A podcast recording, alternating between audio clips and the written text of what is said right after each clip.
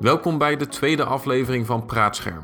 Ik ben Kevin Shuttleworth en samen met Marcel Vroegrijk bespreek ik elke maand twee reeds gepubliceerde artikelen van Laatscherm.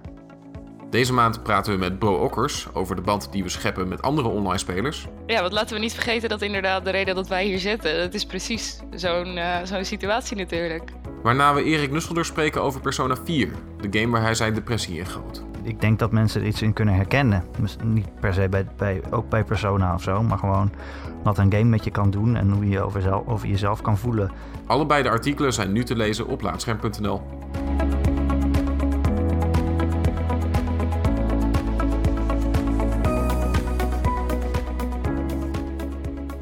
Nou, allereerst um, welkom Bo. Dankjewel Marcel. Hoi, ja. welkom. En Kevin. Uh, alsjeblieft. Hallo. Hallo. Wij hebben jou uitgenodigd om met ons te komen praten, maar niet over jouw artikel. We gaan het deze keer gelijk in de tweede podcast ietsje anders doen. We gooien meteen het format om. Ja, klopt. Want we gaan het over mijn eigen artikel hebben. Dat heet World of Warcraft voor een verlamde vrouw. Nee, zo heet het niet. World of Warcraft als vrije wereld voor verlamde. Echt top dat je je... Ja, ik heb hem ook openstaan, want ik wist het ook niet meer. Eerst even kort uitleggen waar ik, uh, waar ik het over gehad heb. Uh, mijn artikel heet World of Warcraft als vrije wereld voor verlamde vrouw. Ik, ik was tien jaar geleden behoorlijk verslaafd aan World of Warcraft. Maar in die game heb ik best een heel bijzonder, een bijzonder iemand ontmoet. Dat was namelijk een, een Duitse vrouw. ik weet haar naam niet meer. Ook als schermnaam is, staat, me, staat me nog vaag bij. Maar uh, we speelden heel vaak samen in die game, eigenlijk iedere dag. En we waren ook aan het skypen en wat dan ook. En op een gegeven moment vertelde ze mij dus dat zij dusdanig verlamd was... dat ze eigenlijk ja, niet echt zelfstandig meer het huis uit kon. En dus ook bijna nooit meer het huis uit ging. Maar in World of Warcraft kon ze, dus wel eigenlijk gewoon ja, doen en laten waar ze zin in had. Want ja, de handen werkten nog gewoon. Ze kon gewoon een muis en een toetsenbord bedienen. Dus in die game had ze eigenlijk helemaal geen last van die beperkingen. Uh, en dat, ja, dat is best wel een bijzonder contact geweest voor mij. Um, zeker terwijl het toch uiteindelijk iemand is die ik verder nooit in het echt heb ontmoet. We hebben elkaar dan wel vaak uh, onze stemmen gehoord. Het is een, uh, het is een iemand, een, redelijk anoniem iemand nog, die ik toch, waar ik toch een hele bijzondere band mee heb opgebouwd. En dat is niet het enige verhaal. Uh, want als je gamet en je gamet online, dan kom je wel meer van dat soort personen tegen. En daar zitten ook vaak wel wat bijzondere verhalen aan vast. Ja, we hebben jou ook uitgenodigd omdat jij eigenlijk daar ook wel een aantal mooie verhalen over hebt. Ja, waarvan jij uh, ook getuige bent geweest de laatste weken met toen ik The Witness speelde. Ja, dat, dat, dat is dus de meest recente, maar ik heb het met Marcel ook over gehad. Dat dit vanaf mijn. De eerste games die ik online speelde, heb ik al wel vaak uh, vriendschappen opgebouwd. Uh, noem maar zo'n RuneScape of een Habbo Hotel of zo. Ik denk dat, dat, mij, dat, het, dat ik daar tijdens mijn puberteit of zo wel heel veel steun uit, uit heb gehaald. Dus het is zeker een, een, super interessant iets. Maar laten we eerst beginnen, denk ik, bij het, het, het World of Warcraft verhaal van, uh, van Marcel. Uh, ik was zo onder de indruk van dat artikel dat, dat, ik, dat ik daar zelf ook nog wel wat vragen over heb. Met name het, het ding, jij bent natuurlijk gestopt op een gegeven moment met World of Warcraft. En ik vraag me heel erg af. Ik kan me voorstellen dat je nog vaak terugdenkt aan die vrouw. Heb je nooit echt de behoefte gehad om daar weer contact mee op te nemen of iets dergelijks? Je weet haar naam natuurlijk niet meer. Is dat niet, ik zou me zo, ik heb dat vaak zelf namelijk ook nog wel, dat je je zo afvraagt, wat is er van diegene geworden? Weet je, ergens natuurlijk wel. En ik had ook overwogen ergens om voor het artikel te zeggen van... oké, ik begin gewoon mijn zoektocht. En ik weet niet of het gelukt was, maar ik, ik, denk, het, ik sluit het niet uit dat ik haar nog terug had kunnen vinden. Alleen, ja, weet je, voor mij was het een best wel een, een harde breuk met dat spel. Ik zet ook in het artikel dat ik, ik moest dat soort games echt gewoon achter me laten. Inmiddels zou het misschien wel kunnen, maar ik heb gewoon een hele lange tijd echt, ja, ik moest echt niet dat soort type games gaan spelen. Omdat het veel te, ja, weet je, als je een beetje um, geneigd bent om de realiteit te ontwijken. En je krijgt dan een spel waarbij je eigenlijk gewoon continu kunt spelen in een totaal andere wereld. Zonder dat, het, ja, zonder dat er een einde uit, uh, aan zit als je het spel hebt uitgespeeld. En dat je met mensen over de he hele wereld speelt. Dus je hebt ook geen last van verschillende tijdzones, dat er niemand speelt. Dan is dat best wel riskant. Uh, voor iemand uh, die daar gevoelig voor is. En ik ben daar zwaar gevoelig voor. Dus voor mij was het echt gewoon: oké, ik moet hiermee stoppen. En Ja, wat het wel zo is, je, je merkt ook vaak wel dat als jij een vriendengroep hebt op de middelbare school en je, je praat over school en wat dan ook, als jij dan verhuist of je gaat studeren of iets, dan ja, zo'n groep valt wel vaak uiteen. Niet dat je iedereen niet meer spreekt, maar dan blijkt toch dat als jij dat, uh, die gemene delen niet meer hebt, dat je dan uh, ineens ook niet zo heel veel met elkaar blijkt te hebben. Dus in die zin heb ik daar een soort van voorschot op genomen door te zeggen: ik kap er gewoon überhaupt mee en ik ga niet eens kijken of er verder nog iets in zit. Meer ook omdat ik destijds, ik, ik had echt wel gewoon een, ja, ik, ik noem het nog maar even, een echte vriendengroep. Het was voor mij belangrijk dat ik daar ook gewoon terug naar ging. En om dan het contact, contact te onderhouden met iemand uh, die zo erg verbonden is aan een spel waar je verslaafd aan bent. Dat voelt wel een beetje alsof je zegt van ik, ik, ik, ik ga afkicken, maar uh, ik ga in het huis van een drugsdealer wonen. In hoeverre denk je dat een vriendschap die je online opbouwt met iemand die je in een game tegenkomt verschilt van een vriendschap die je hebt met iemand waar je mee op school zit?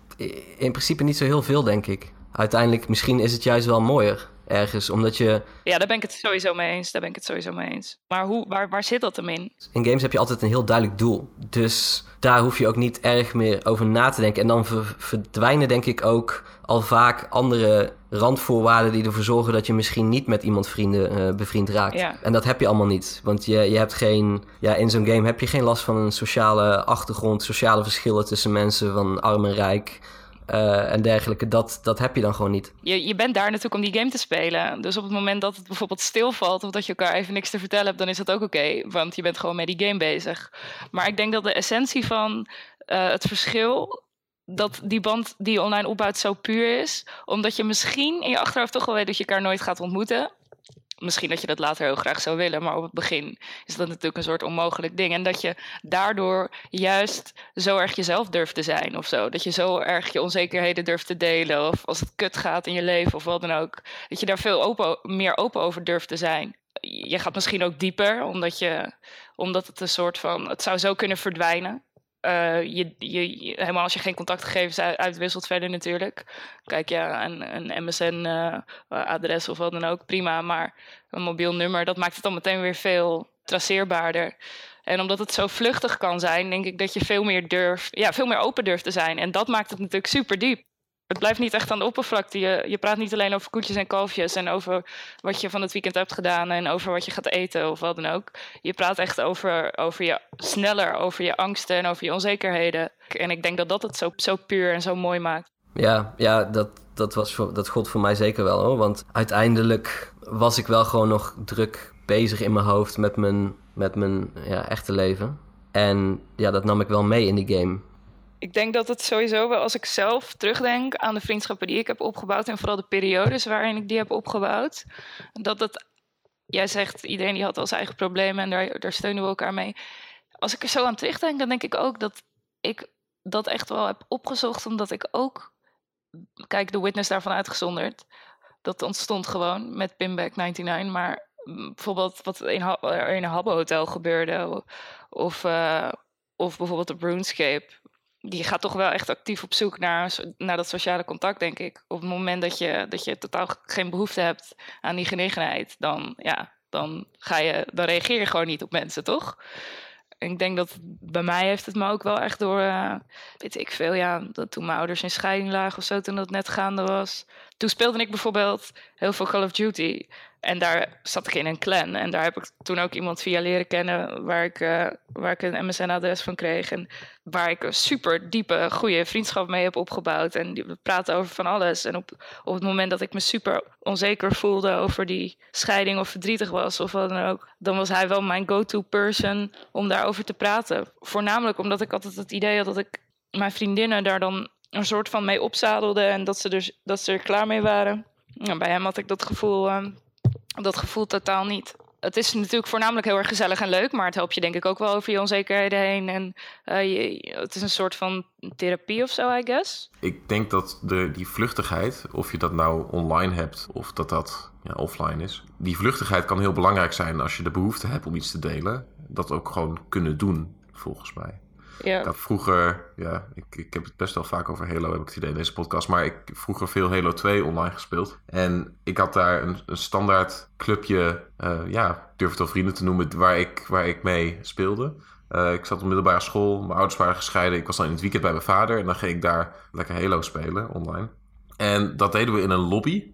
Want Halo 2 was de eerste game die een lobby-systeem ondersteunde. Dus dan zat je daar met elkaar in die lobby tegen elkaar te lullen, want dat kon nergens anders. Dus dat gebruikten we als onze impromptu Skype. Uh, en dan gingen we tv kijken. Dat soort shit. Zetten we die game zetten we gewoon op de achtergrond aan. En dan gaan we, weet ik veel, Star Trek loeren of zo. En dan op een gegeven moment, dat, dat zal ik nooit vergeten, komt een van die gasten ineens heel erg out of left field. Gewoon die, vragen wat hij moet doen als hij denkt dat er, een, uh, dat er ergens een kind mishandeld wordt. Dat, dat wij dan met z'n drieën echt helemaal perplex staan en niet precies weten hoe we daar het beste kunnen op adviseren. Maar dat je dat vervolgens wel probeert te doen. Ik had niet echt een directe band met hun, had ik het gevoel, tot op dat moment. Want dan is er plotseling ineens dat vertrouwen. En toen had ik ook relaxed zelf de neiging om veel meer te gaan zeggen. En um, wat verliefdheid betreft, zijn jullie wel eens verliefd geworden op iemand die je in, in een online game bent tegengekomen? Ik het niet. Marcel? Uh, nee, nee, verliefd. Echt verliefd? Nee, nooit. Jij wel? Ik had het eerder al even over die, uh, die, die tijd dat ik best wel veel Call of Duty online speelde. En dat was de, via PC de allereerste. Ik was toen denk ik 13 of 14 jaar en ik uh, had super veel contact met die, met die guy via MSN. Elke avond urenlang chatten. En ik ik, ja, en ook, uh, weet ik veel, hartjes sturen en shit. En dat voelde voor mij op dat moment echt ontzettend als verliefdheid. En hij woonde in Reading in Engeland. En ik had ook echt, ik droomde daar ook wel echt over om daar dan naartoe te gaan en hoe dat dan zou zijn. En uh, vond ik natuurlijk veel te eng ook. Bovendien had ik het geld niet eens. En mijn moeder die zou me nooit laten gaan, want ik was fucking 13. Maar ik, dat heeft wel echt, ik denk daar nu nog steeds best wel vaak aan. Dat heeft er ook mee te maken dat ik hem op Facebook heb en op, op Instagram. Maar toen was ik dus 13, 14. Dus of dat daadwerkelijk verliefdheid was, dat, dat betwijfel ik nu wel. Want later ben ik natuurlijk wel echt verliefd geweest. En kreeg ik voor het eerst echt verkering en bla bla bla. Maar toen was dat echt alles voor mij. En was ik ook totaal niet geïnteresseerd in. in, in, ja, ik was natuurlijk een onzekere puber. En ik zag, er zaten jongens bij mij in de klas. Maar ik, dat, daar was ik totaal niet in geïnteresseerd, want hij was het voor mij. Ja, ik heb er echt jarenlang heb ik me daaraan vastgehouden. En we spraken natuurlijk ook over, over uh, als we wat meer geld zouden hebben en als we wat ouder zouden zijn, dat we elkaar dan zouden opzoeken. Dat is gewoon afgezwakt. Iedereen, op een gegeven moment ga je gewoon je eigen weg. Uh, ik weet nog wel dat ik, toen ik 16 was, toen had ik dus volgens mij mijn eerste, of 17 volgens mij, voor het eerste kering. En toen begon hij weer tegen mij te praten via Facebook of zo. En toen, toen zat ik of mijn, mijn vriendje zat toen op de bank uh, te PlayStation en ik zat aan de eettafel. Ik was iets voor, was huiswerk aan het maken of zo. En hij sprak mij aan. En ik, ik, het voelde heel raar dat die twee werelden toen ineens samenkwamen. Want toen moest ik voor het eerst tegen hem zeggen: Yo, gast, ik heb nu, uh, ik heb nu zelfverkering. En het is raar dat die twee werelden dan samenkomen of zo. Want hoe, hoe je het ook wendt of keert, het is toch niet helemaal hetzelfde. Twee, nee, één opmerking en één vraag. Ja. Um, de opmerking is wat je zei van dat het heel raar was als die twee werelden samenkomen ineens. Ik denk dat dat ook wat er gebeurt als mensen ineens hun persoonlijke leven gaan delen. De, ik denk dat er vaak een soort van trigger moment is. Dat je echt denkt van oké, er gebeurt nu echt iets in mijn privéleven en ik ben momenteel aan het spelen. En ja, je wilt dat meteen delen. En dan ben je, omdat de kans groot is dat je dan online met die mensen aan het praten bent, is dat ook de meest logische plek waar je dan die informatie eigenlijk deelt. Tenminste, dat had ik dan wel. Dat je gewoon op een gegeven moment zegt van wow, oké, okay, uh, er gebeurt net iets en ik moet dit gewoon nu even kwijt. Mm -hmm. Wat inderdaad gewoon een, ja, een, een beginpunt is. Van oké, okay, nu is het ijs gebroken wat dat betreft. Ja. Bijzonder vind ik dat. Het is iets heel moois, maar ook iets heel geks. Nou, we zijn inmiddels, uh, wat zal het zijn? Allemaal tien jaar ouder. Maar dat wil niet zeggen dat dit soort verhalen, ze hebben misschien een iets andere strekking. Maar um, je hebt onlangs dus, wat je al eerder zei in de podcast, uh, de, zijn naam is, of zijn of haar naam is al een aantal keer gevallen, Pinback99.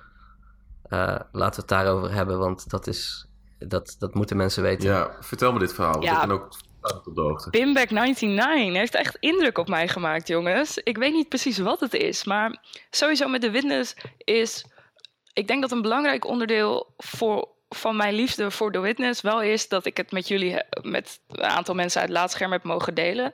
Uh, je bent met een game bezig, maar het voelt op het moment dat iedereen als je in een party zit met mensen die je de hele tijd aan het steunen zijn, dan voelt het echt alsof je aan iets gigantisch bezig bent. Alsof je met een, weet ik veel, alsof je bergen gaat verzetten. Ja, je bent gewoon met puzzels bezig. En um, ja, dat, dat, daar, dat maakte de ervaring veel, veel toffer. Ik kende jullie natuurlijk al, maar er waren ook mensen die. Uh, laten we niet, uh, niet doen alsof mijn stream zo interessant was. Ik heb meestal gewoon vier viewers waarvan ik er één ben en drie, er drie mensen in het scherm meekijken. Maar soms was er een vijfde en dat was dan Pinback 99. En die, ik weet niet wat, uh, waar zijn of haar leven uit bestaat, maar hij was vrij vaak online op Twitch ja, hij of zij liet ook best wel vaak een berichtje achter. Je hebt natuurlijk dan dat scherm. En als ik dan naar mijn tv zat te kijken, zag je aan de rechterkant die chatbox. En er waren, het begon raar, want ik vond het irritant. Ik vond die, die, die, die strangers een beetje irritant. Met name omdat ik bang was dat ze zouden, dat ze zouden spoilen. Dat is gelukkig niet echt, uh, niet echt vaak gebeurd. Maar Pinback was een bijzondere, want um, ik zat op een gegeven moment zat ik vast in de game. Het frustreerde me enorm. En een aantal mensen uit het laadscherm die zeiden ook al tegen mij: ja, je moet gewoon door. Je moet, uh, soms moet je gewoon je PlayStation uitzetten of gaan naar een ander gebied toe of wat dan ook. En ik, ik vond dat heel moeilijk. Ik vind dat sowieso moeilijk om dan niet, als ik aan het werk ben, dan wil ik gewoon eerst het een afmaken en dan aan het volgende beginnen, want anders dan ontploft mijn hoofd. Dat ik wil, wil gewoon die structuur behouden en dat, dat zijpelt ook door in de manier waarop ik die game speelde. Uh, maar Pinback die zei op een gegeven moment tegen mij.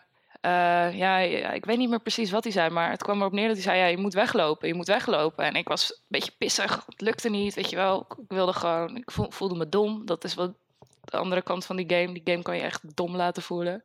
Maar op een gegeven moment toen dacht ik: oké, fuck it, ik ga gewoon mijn PlayStation uitzetten en ik kom morgenochtend of over een paar uur wel weer, uh, wel, wel weer terug. Nou, dat werd uiteindelijk, ik kon het toch niet helemaal loslaten, dus het werd inderdaad een paar uur. En ik, ik had denk ik die stream twee minuten aangezet. En Pimback was er weer. Hij zei, oh, je bent weggegaan, maar je bent weer terug. En wat goed. En ik ben trots op je. En ja, ik smolt gewoon. Ik, het is, die, die steun was zo bizar. Um, maar niet alleen, niet alleen op dat moment, niet alleen die, die les van je moet weglopen soms. Maar hij heeft wel degelijk bijgedragen in het, in het anders leren denken, dat proces. Uh, de, ik denk dat de witness je echt wel anders leert kijken of leert, na, leert nadenken over hoe je bepaalde dingen waarneemt. En hij was daar echt wel be belangrijk in. Hij, hij zei, uh, hij vroeg van wat valt je op hier? Of het waren de simpelste vragen die, waarvan ik achteraf pas door had hoe, hoe goed ze waren. En hoe bepalend ze waren voor, uh, voor wat er in mijn hoofd gebeurde als ik iets moest oplossen of zo. Ik kan het kan niet, ik, nu ik het met jullie over heb, kan ik niet helemaal uitleggen waarom ik, zo, waarom ik zoveel warme gevoelens voor heb koester. Of voor haar, dat weet ik niet eens. Ik ben later wel nog naar, uh, ik heb die naam Pinback99 ook nog gegoogeld. Nou ja, ik kwam niet heel veel uit. Ik ben wel naar zijn Twitch profiel, zijn of haar Twitch profiel gegaan. Uh, en uh, had ik het ook nog, had had ik vol enthousiasme ook nog naar Marcel doorgestuurd. Dat, dat die blijkbaar zelf heel veel puzzelgames speelde. En er stond een hele coole foto van een, uh, van een heel jong uh, Aziatisch meisje. En er stond bij, uh, ja, dit is insert name, ik weet niet hoe ze heten. we gaan haar over een, over een paar maanden adopteren. En het zou me echt tof lijken als je van mijn stream geniet. Dat je dan ook een paar dollars doneert en bla bla bla. Ik vond het heel cool om daar dan toch nog, om nog iets meer informatie van die persoon te weten te komen dan alleen de, de inspirerende lessen die hij in mijn chat tijdens de witness stream dropte. Dus ja, Pinback, dat is mijn meest recente uh, soort van uh, crush, denk ik. Het was weer een beetje hetzelfde als, uh, als de Call of Duty of Habbo of wat dan ook. Dat gevoel, zeg maar. Van, oh, wie is deze persoon? Ik wil er meer van weten. En ja, het was heel bijzonder. Um, wat je zegt over die nieuwsgierigheid, dat mis ik dus ergens totaal. Want ik speel nu ook wel eens Overwatch. En dan, als ik dan weer eens fantastisch bezig ben, dan krijg ik soms een invite van wat een... elke dag is overigens. Wees ja, niet te bescheiden. Dus ja, ik, wat elke ik krijg. Ik krijg ook echt gewoon... Het, de, de lijst van invites die ik heb staan, het houdt niet op. Maar ik heb... ik heb ook absoluut geen behoefte ergens meer om die mensen dan toe te voegen. Het voelt ja, dat ik denk van ja, oké, maar we, we hebben een mooi moment gedeeld. Alleen, ja, wat gaan we daar verder nog mee doen dan? Uh, terwijl in, in die zin is een game als, uh, en daar komt hij weer, want ik heb het hier altijd over, is een game als Dark Souls. Is voor mij perfect, omdat je kunt daar niet met elkaar praten ten eerste. Uh, met random mensen. Je, je hebt alleen wat emotes. Dus ja, je bent ook redelijk beperkt in je communicatie. Maar alsnog kun je binnen een korte tijd een heel bijzondere band opbouwen. Want ja, als je dan samen met iemand speelt, die persoon kan zich ook echt gewoon voor de leeuwen gooien voor jou. Als in, als jij bijna dood dreigt te gaan, dan kan die persoon een soort van zeggen van... oké, ik, ik ga je redden, ondanks ik, ik offer mezelf wel op. Of die persoon kan juist heel erg geduldig zijn en met je meelopen en denken van... oké, ja, ik laat je het gewoon zelf uitzoeken, ik, ik ondersteun je... maar ik ga niet soort van wijzen waar je naartoe moet. Uh, Soms juist wel. Soms is iemand die, die zegt juist wel van... hé, hey, je moet hierheen. En dan, dan, ja, dan wist ik dat nog niet. En dan leer ik daar weer iets van. Maar dan op een gegeven moment is het klaar. En dan doe je nog net een emote dat je elkaar bedankt. En ja, en dat is, heel klaar. puur. Ja. Maar ja, dan hoef ik daarna niet een invite te krijgen van... Uh, ja, Imagine Dragons 1993 als PSN-nickname van iemand die dan zegt van... hé, hey, uh, dat was echt tof. Dan denk ik van, ja, verpest het nou niet. Want ja, het was zo puur. Ja, Gewoon, magie. Ja, precies. Uh, ja, dat houdt het. Maar dat was ook wel het mooie met Journey. Is dit het? Uh, Ja, nee, daar wilde ik net nog ja, over beginnen ja, inderdaad. het sch- schiet me nu te binnen. Met Journey was dat ook zoiets puurs en kleins en mysterieus. Dat je, als je die game speelde, dan spande er op een gegeven moment een, een, een andere speler die met jou dan de Journey ging doen. En je, je kon niet met elkaar praten, je wist elkaars PSN-naam niet. En daar, daar ervaarde je dan die game mee. Wat sowieso natuurlijk, ik, die game heeft superveel indruk op mij gemaakt. Een van de eerste indie games, denk ik, die ik uh, toen ik PlayStation kocht uh, speelde. En een goede om mee te beginnen ook wel. Maar ik, die game was zo bijzonder en mysterieus en mooi en de muziek en alles. En dan was daar ineens iemand en misschien, je weet niet of diegene het voor het eerst speelt of misschien wel voor de vijfde keer. Maar je, je, zag dat samen en ik, ik was toch wel super benieuwd wat er dan door zijn of haar hoofd ging. En dan uh, was het uitgespeeld en je, kon inderdaad gewoon met elkaar samen dat gaan doen. Maar je kon ook uh, iemand laten lopen en je zoek het maar lekker zelf uit. Uh, merkte toch wel aan mezelf dat ik dan wel weer dat contact opzocht en, zocht en dan weer ging kijken wat hij of zij aan het doen was.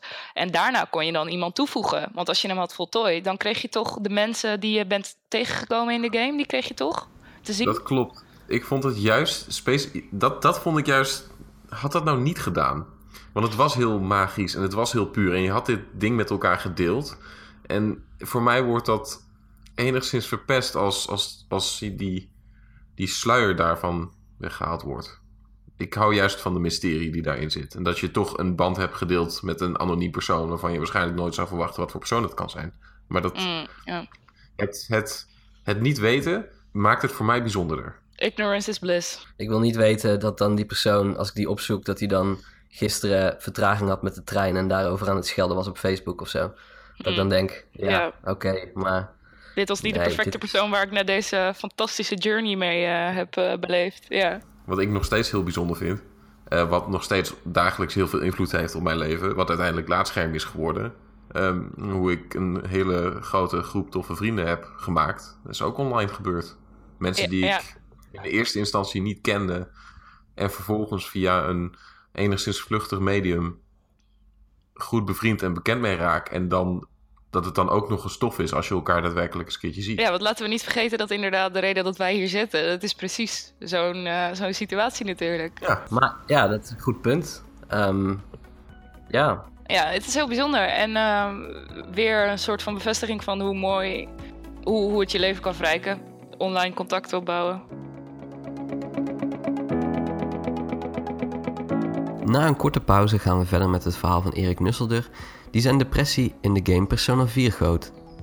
Tot zo!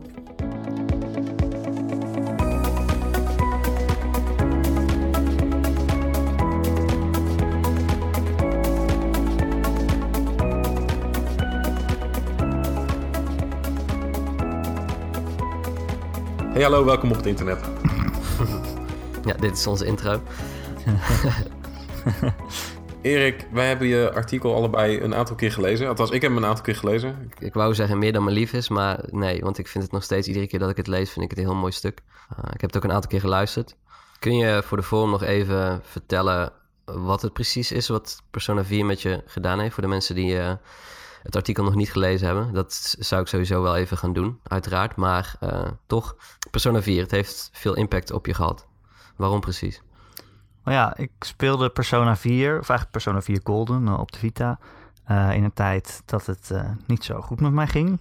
Ja, de depressief mag je wel zeggen. Ik was heel erg zelf dus destructief bezig eigenlijk alles wat ik had in mijn leven kapot maken. Omdat je vindt dat ik het niet verdien. Niet dat, ik, dat je er zo bewust bij stilstaat of zo. Maar als ik er achteraf op terugkijk, is het wel heel duidelijk dat, dat, dat het was. Dat ik gewoon steeds maar weer op zoek was naar manieren om, om gelukkig te worden. En elke keer als ik het dan weer niet vond, dan ging ik maar weer iets anders proberen. Uh, en dat is dus de tijd, een beetje tegen het einde van die tijd aan, dat ik uh, Persona 4 ging spelen. En nou ja, ik kon eigenlijk gelijk niet meer ophouden met spelen. Het begon al gewoon überhaupt de opzet van die game. Je bent een, een, een buitenstaander. Je gaat verhuizen naar een rustig Japans dorpje. En je, je, kent daar helemaal niemand. Je gaat daar naar school voor het eerst. Je kent daar ook helemaal niemand. Je komt binnen in een groep met, met scholieren die elkaar natuurlijk allemaal kennen. En allemaal hun eigen vrienden en groepjes hebben. En ja, jij moet je daar een beetje tussen zien te wurmen. En uh, ja, voor iemand die sociaal niet echt heel sterk is, is dat toch wel een confronterende verhaallijn om te volgen. Zeker als die buitenstaander uh, helemaal geen problemen blijkt te hebben om vrienden te maken. Dus ja, ik ging me heel erg uh, hard projecteren op dat spel. En zo van, ah, ik wil ook zo'n zo'n vriendengroep, weet je wel. En waarom heb ik dat dan niet? Gewoon zo'n groep die elke dag met elkaar afspreekt in het uh, winkelcentrum om, om met elkaar te hangen. dus ja, ik, ik ging echt heel erg veel spelen. En eh, in één ruk doorgespeeld totdat het uit was. Je zegt dat je zelfdestructief was. En, en kun, je, kun, je daar, kun je daar een relatie tussen leggen? Ja, nou, het is uh, wat ik wegstopte aan mezelf was heel erg onzekerheid en, en faalangst. En als iemand honderd keer zegt dat hij je leuk vindt en één keer dat hij je niet leuk vindt, heel erg hangen aan, aan die ene keer dat het, uh, dat het niet goed zit, weet je wel. En het maar twijfelen van, nou ja, uh, diegene eh, vindt het nu leuk om tijd met mij door te brengen, maar de volgende keer zal het wel niet zo zijn. Of ik zal wel straks iets stoms gaan zeggen, waardoor ik het weer verpest. Dus ja, ik ging, ik, ik ging heel erg mezelf wegstoppen, ook als, als een soort bescherming. Zo, hè? Als je jezelf maar achter een hoog genoeg muur zet, dan kan je ook niet uh, beschadigd raken. Dat was eigenlijk een beetje wat ik aan het doen was. Maar ja, daardoor tegelijkertijd verpest je juist alles om je heen. Want als je niet uh, je echte zelf bent en niet je gevoelens laat zien. op een gegeven moment raak je zo afgestompt en dan, dan ja, alle relaties die je aangaat, wordt dan ook niet meer dan, dan oppervlakkig, weet je wel. Dan vervolgens in persona had je eigenlijk een kans om gewoon vrij van dat soort gevoelens, maar anderzijds ook wel juist uh, geleid door dat soort gevoelens keuzes te maken in dat spel. Hoe, hoe heb je dat aangepakt? Hoe, hoe uh, manifesteerde zich dat? Ja, ik ben sowieso echt helemaal opgegaan in dat spel. Ik speelde het echt de hele tijd. Ik was ook op, op vakantie in Egypte en ik had de Vita mee. Ik ging zelfs op het strand uh, zitten spelen onder een parasol. Gewoon uh, zodat het, uh, de zon niet te veel van het scherm afketst, weet je wel. Dat je het nog een beetje kan zien. Maar echt gewoon, ja, ik was echt een beetje geobsedeerd met dat spel. Maar het is ook, ja, de manier waarop ik het speelde, zie, zie, kon je het eigenlijk ook wel aanzien wat er aan de hand was. Want ik wilde iedereen tevreden houden. En ook in het spel. Dus een gegeven moment, als je, mag, in die game mag je kiezen hoe je je vrije tijd doorbrengt. En uh, je hebt verschillende klasgenoten, verschillende vrienden, die allemaal tijd van jou vragen. Uh, in de pauze komen ze dan één voor één langs. Van, hey, heb je zin om vanavond wat te doen? Dan zeg ik natuurlijk uh, ja. Maar dan komt de volgende en die vraagt ook, wil, je vanavond wat doen? Maar ja, je kan maar één ding kiezen. Ja, de andere stel je dan teleur. Dus ja, probeer iedereen tevreden te houden in die game. Maar dat kan helemaal niet. En sterker nog, als je dat probeert en van iedereen een beetje doet, dan diep je geen enkele van, van die relaties in het spel helemaal uit. Omdat je met iedereen een beetje omgaat en eh, het overal een beetje dan eh, oppervlakkig blijft. Dus uh, nou, dat is op zich wel een interessante parallel met, met hoe het in het echt met mij ging. Namelijk ook ja, zoveel mogelijk proberen andere mensen tevreden te houden, maar helemaal niet nadenken over wat ik dan zelf wil iets leuk vinden, het kan natuurlijk best samenhangen met ergens een soort van uh, een, een, inherente drang hebben naar iets, omdat je eigenlijk met bepaalde gevoelens worstelt. Dat, dat kan prima samengaan. Je kunt daar alsnog dan heel erg van genieten van iets, dat je er zoveel tijd in kan stoppen. Vind je Persona 5, denk je hem dat je hem net zo leuk kan gaan vinden? Of is het eigenlijk van, ja, Persona 4 deed zoveel met me dat dat gewoon niet meer te evenaren valt? Nee, ik denk, ik denk wel dat ik het wel echt goed kan vinden, ja. Maar het is ook gewoon een heel goed spel. Dus uh, weet je, dat is ook een van de redenen dat ik zo in Persona 4 uh, verzande. Is dat het gewoon heel erg goed geschreven is. En dat al die personages echt aanvoelen. En, en gewoon, je gaat ze bijna echt als vrienden zien. En uh, ja, op dat moment was het, zat ik op een niet zo gezonde plek in mijn leven. Met niet zo goed zelfbeeld. En ging ik dat veel te hard aan aangrijpen. Maar nu, nu is dat heel anders in mijn leven. En en kan ik het gewoon als een spel zien en als een leuk spel en een goed spel. En, en kan ik het gewoon uh, als, een, als een normaal mens spelen, zeg maar. Nu ga je in Persona 5 gewoon uh, braaf uh, studeren als toetsen eraan komen. En laat je de vrienden gewoon voor wat ze zijn. nee, nee. Oh, je wilt naar het winkelcentrum. Nou. Nee, doei. ik, zie, ik zie je morgen wel weer.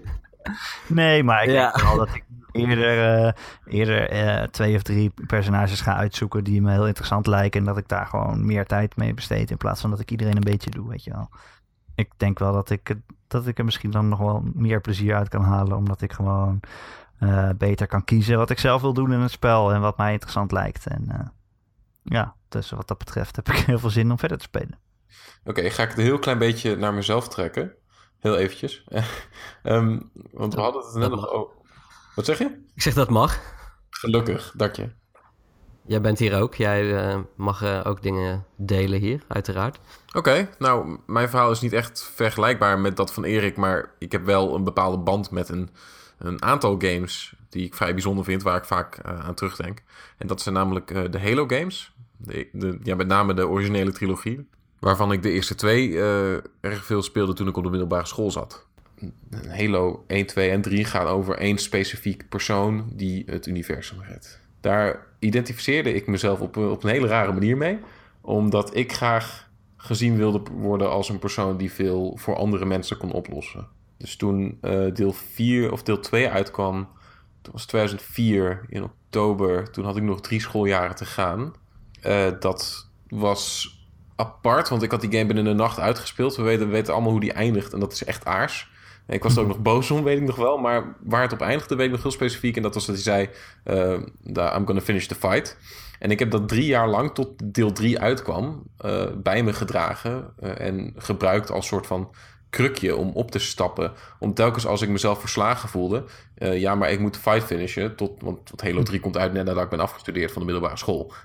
dus het was een soort van hele raar, raar arbitrair, arbitrair dingetje dat ik bij me droeg gedurende die periode. En dat was, dat was best wel raar hoeveel invloed die games op mij hebben gehad. Terwijl het eigenlijk helemaal... Ja, het zijn hele goede shooters, maar het is verder niet zo heel bijzonder of zo.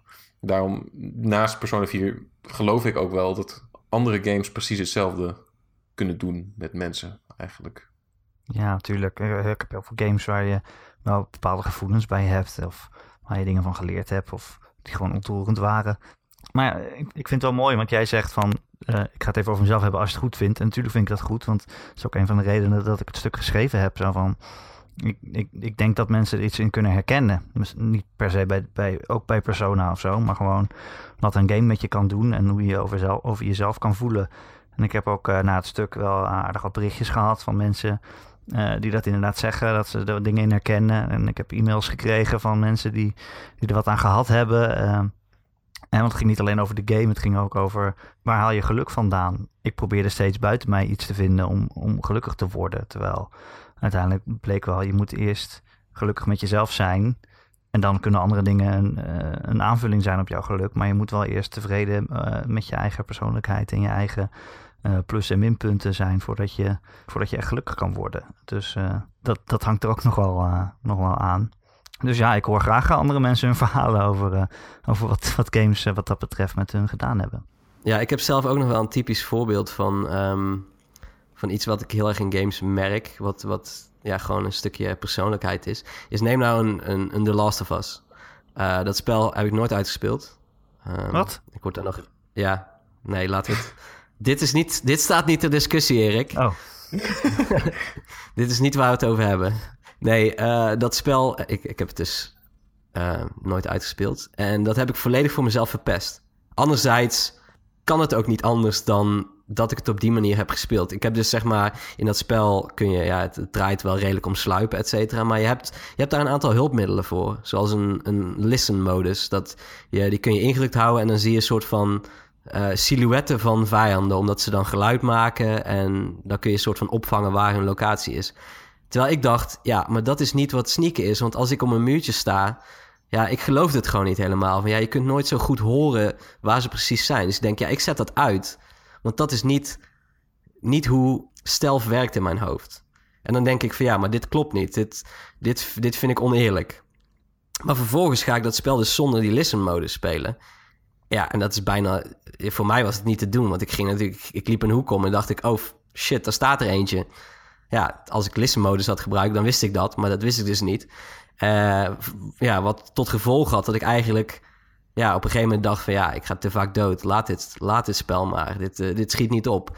Maar dat is iets wat ik heel erg in mijn eigen leven merk... is dat ik dus het te moeilijk maak voor mezelf...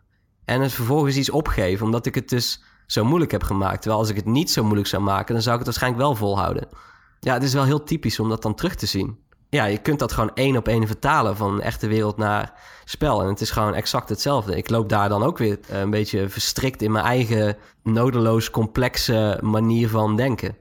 Ik kan dat ook gewoon niet uitspelen. Af en toe sta ik in de winkel en denk ik... ja, de Last of Us moet ik eigenlijk wel weer spelen. Maar ik weet gewoon, dit gaat, ja, dit gaat weer gebeuren. Misschien als ik over twintig jaar echt helemaal mijn persoonlijkheid heb uh, doorgrond of ontwikkeld. Dat ik denk, nou, inmiddels ben ik dusdanig in staat om gewoon hulp te accepteren. Ik zet gewoon die listen modus aan en ik ga het nog een keer spelen. Maar tot die tijd weet ik gewoon, dat gaat niet gebeuren. Het is wel grappig wat, wat, wat een game over jou kan zeggen. Hè? Want ik heb juist wel dat ik graag uh, een soort van waypoint heb van wat ik moet doen. Of in ieder geval iets van, een, van lineair een doel heb. Omdat ik bang ben in een game als Zelda of zo, waar je gewoon wordt vrijgelaten. Dan ben ik bang dat ik het, het spel verkeerd ga spelen. Of dat ik iets ga missen, of dat ik het niet goed doe. Of dat ik een kant op loop waar ik eigenlijk nog niet heen moet. En dan, dan word ik zo onrustig van dat ik, dat ik die game al niet meer leuk vind. Dat zegt dan weer over mij dat, ik, dat je eigenlijk meer, meer een soort faalangst is dat dan, waar dat dan vandaan komt. Ja, dat is wel grappig dat je dat zegt. Ik heb dat, ik heb dat zelf ook met een speler. Van, ik zal nooit voor de makkelijkere optie kiezen. Ik zal wel altijd alle opties gebruiken. Want ik heb die game dus wel op die manier uitgespeeld. Um, maar ik zal altijd. Ik, ik zal nooit voor een makkelijkere moeilijkheidsgraad kiezen. Omdat ik het te lastig vind. En zo zijn best wel wat games voor mij uh, gesneuveld. Omdat ik het echt zelf wilde kunnen doen. Ja. Um, staat los van het gegeven dat ik gewoon niet het inzicht had om te kunnen zien dat, uh, een, uh, dat X-ray vision niet onder je daadwerkelijke uh, mogelijkheden valt als je door, door, door, door Amsterdam loopt, ik zeg maar. Ja, het is, het is, het is herkenbaar. Ik, ja. ik heb exact hetzelfde. Bij mij is het weer de andere kant op. Als ik te veel. jij zegt ik wil alle opties gebruiken, maar ik wil juist. Ik heb meestal één optie die ik dan gebruikt heb en die dan werkte. En dan gebruik ik alleen maar die omdat ik dan niet iets nieuws wil proberen, omdat het dan misschien wel mislukt. Ik, ik vind het alleen irritant als ik extra wapens krijg of zo. Dan moet ik alleen maar weer meer dingen uitproberen die dan weer kunnen mislukken. Terwijl ik liever gewoon mijn enige weer gebruik die ik al snap.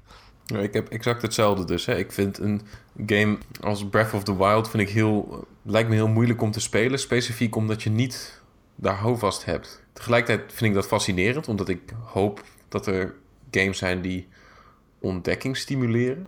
Dus zelf ontdekkingen maken in games lijkt me ook heel tof. Maar tegelijkertijd is te veel vrijheid, en dat merk ik in mijn, in, in mijn werkend leven ook. Dat vind ik heel lastig dan weer om mee om te gaan. Omdat ik het te weinig, niet heel snel een vorm kan geven. Niet heel snel een, een uh, concreet doel. En dan weet ik, als ik dat doel eenmaal heb, dan weet ik ook niet zo heel goed hoe ik er naartoe moet werken. Ik vind het prettiger om dat dan met iemand te doen dat maakt een, een open wereld game als, als, als, als Breath of the Wild voor mij enigszins intimiderend. Specifiek omdat er heel veel manieren zijn om dat aan te pakken. Um, en ik niet precies weet waar ik naartoe wil werken. Er is natuurlijk altijd één groot einddoel. Dat, dat, is, prima. Maar dat is zelf niet waar ik een game voor speel. Vind, vind ik heel lastig, heel lastig om mee om te gaan. En het vertelt me wat over mezelf en, en, de, en de fijne lijn in principe die, die er zit tussen, tussen vrijheid die ik nodig heb en uh, de, de begeleiding die ik aan de andere kant ook weer nodig heb. En dat, dat is best wel apart. Dat is iets wat ik in de afgelopen maanden ben gaan realiseren. Aan wat ik fijn vind aan, aan games en, en hoe ik zelf functioneer als persoon. En dat, dat, dat, dan kom ik weer terug bij jouw artikel. Ik, ik moest even stoppen toen ik het aan het luisteren was voor het eerst. Want het realiseerde mij dat de manier waarop ik games speel, en dat is exact dezelfde manier waarop jij Persona 4 hebt gespeeld, is dat je iedereen wilde pleasen de hele tijd. Ik doe, ik doe dus exact hetzelfde. Ik doe met, dat met iedereen om me heen. Ik ben gewoon een pleaser en ik leef voor die bevestiging. En ik wist, ik weet dat van mezelf. Ik weet dat ik mensen probeer te pleasen. Maar ik heb er nooit bij stilgestaan dat ik dat ook projecteer op, op, op videogames. En andere ervaringen die ik kan hebben, die eventueel interactief zijn. Ik denk dat dat ook een heel typisch voorbeeld waar waarschijnlijk nu al onze luisteraars, en wat zijn het er veel, nu denken: ah ja, oké, dat herken ik wel. Is dat je uh, dat bijna, volgens mij, bijna niemand in RPG's items gebruikt. Gewoon uh, consumables. Ik denk dat heel veel mensen gewoon denken van nee, uh, ja, maar stel je voor dat ik het nog later nodig heb of wat dan ook. Wat effectief is dat natuurlijk ook een heel makkelijke parallel om te leggen naar het echte leven. Om gewoon te zeggen van ja, uh, wacht, moet ik dit nu al doen? Want straks, uh, straks heb ik later nog iets nodig of wat dan ook. Ik ben dan juist andersom, aangezien ik ook, ik ben echt van instant gratification. Uh, dus ik koop gewoon iets of iets als ik denk van ja, maar ik heb het nu nodig. Dus ja, even een dikke middelvinger naar mezelf over twee maanden. Ik ga dit nu doen. En zo speel ik mijn games ook. Dus ik maak gewoon allemaal consumables op. Er zijn games die ik eindig met gewoon nul items in mijn, in mijn inventory. Heb ik gewoon alles opgemaakt. Ik dacht van ja, ik ga het gewoon proberen ook. Dat heb ik dus niet, hè. Dat heb ik totaal niet. Ik, ik hoor het alsof mijn leven er van afhangt. Ik heb dat met spaargeld bijvoorbeeld. Ja, zal ik wel nu deze reis gaan boeken? Want ik, ik heb geen flauw idee. Heb ik, misschien heb ik het geld. Ja, maar fuck. Ja, ik ben, ik, ik ben daar zelf toe best wel moeilijk mee. Maar in, games is dat helemaal erg. Want ik verzamel alles. En ik had dat toen ik Nier eindelijk uit had gespeeld. Nou, weet ik veel hoe lang dat heeft geduurd. Echt zo ontzettend veel items over die ik niet heb gebruikt. Sterker nog, ik denk dat ik bijna dat ik één of twee keer een, een, een consumable heb gebruikt in die game. Maar echt verder niet. Omdat ik het gewoon allemaal wilde bewaren voor wanneer het eventueel lastig zou worden. Dus uiteindelijk zit ik met stapels en stapels van die dingen die ik gewoon niet heb gebruikt. Uh, maar wel momenten heb gehad waarop ik het lastig had. Maar het alsnog niet wilde gebruiken omdat ik dacht van, ah, nou, dit heb ik later wel nodig. Laat die gratification maar zitten. Ik ga er nu gewoon doorheen. En zolang het duurt en zo, zoveel tijd als nodig is, gebruik ik gewoon. Wauw. Ik had ook, dit zegt precies uh, wat jullie zeggen inderdaad. Ik had ook in die tijd dat het niet zo goed met me ging, had ik heel erg de neiging om heel veel spaargeld op te potten.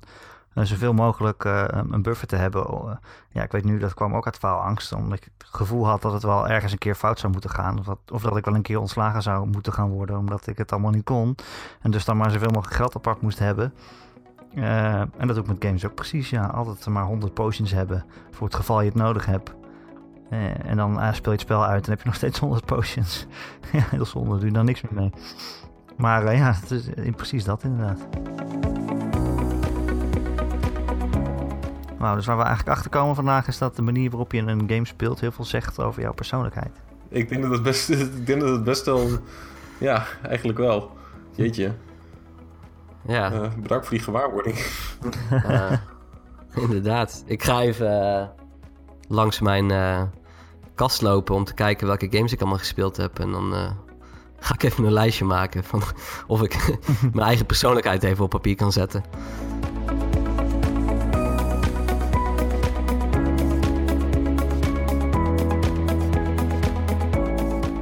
Dit was het alweer, maar volgende maand is er gewoon weer een nieuwe aflevering van Praatscherm.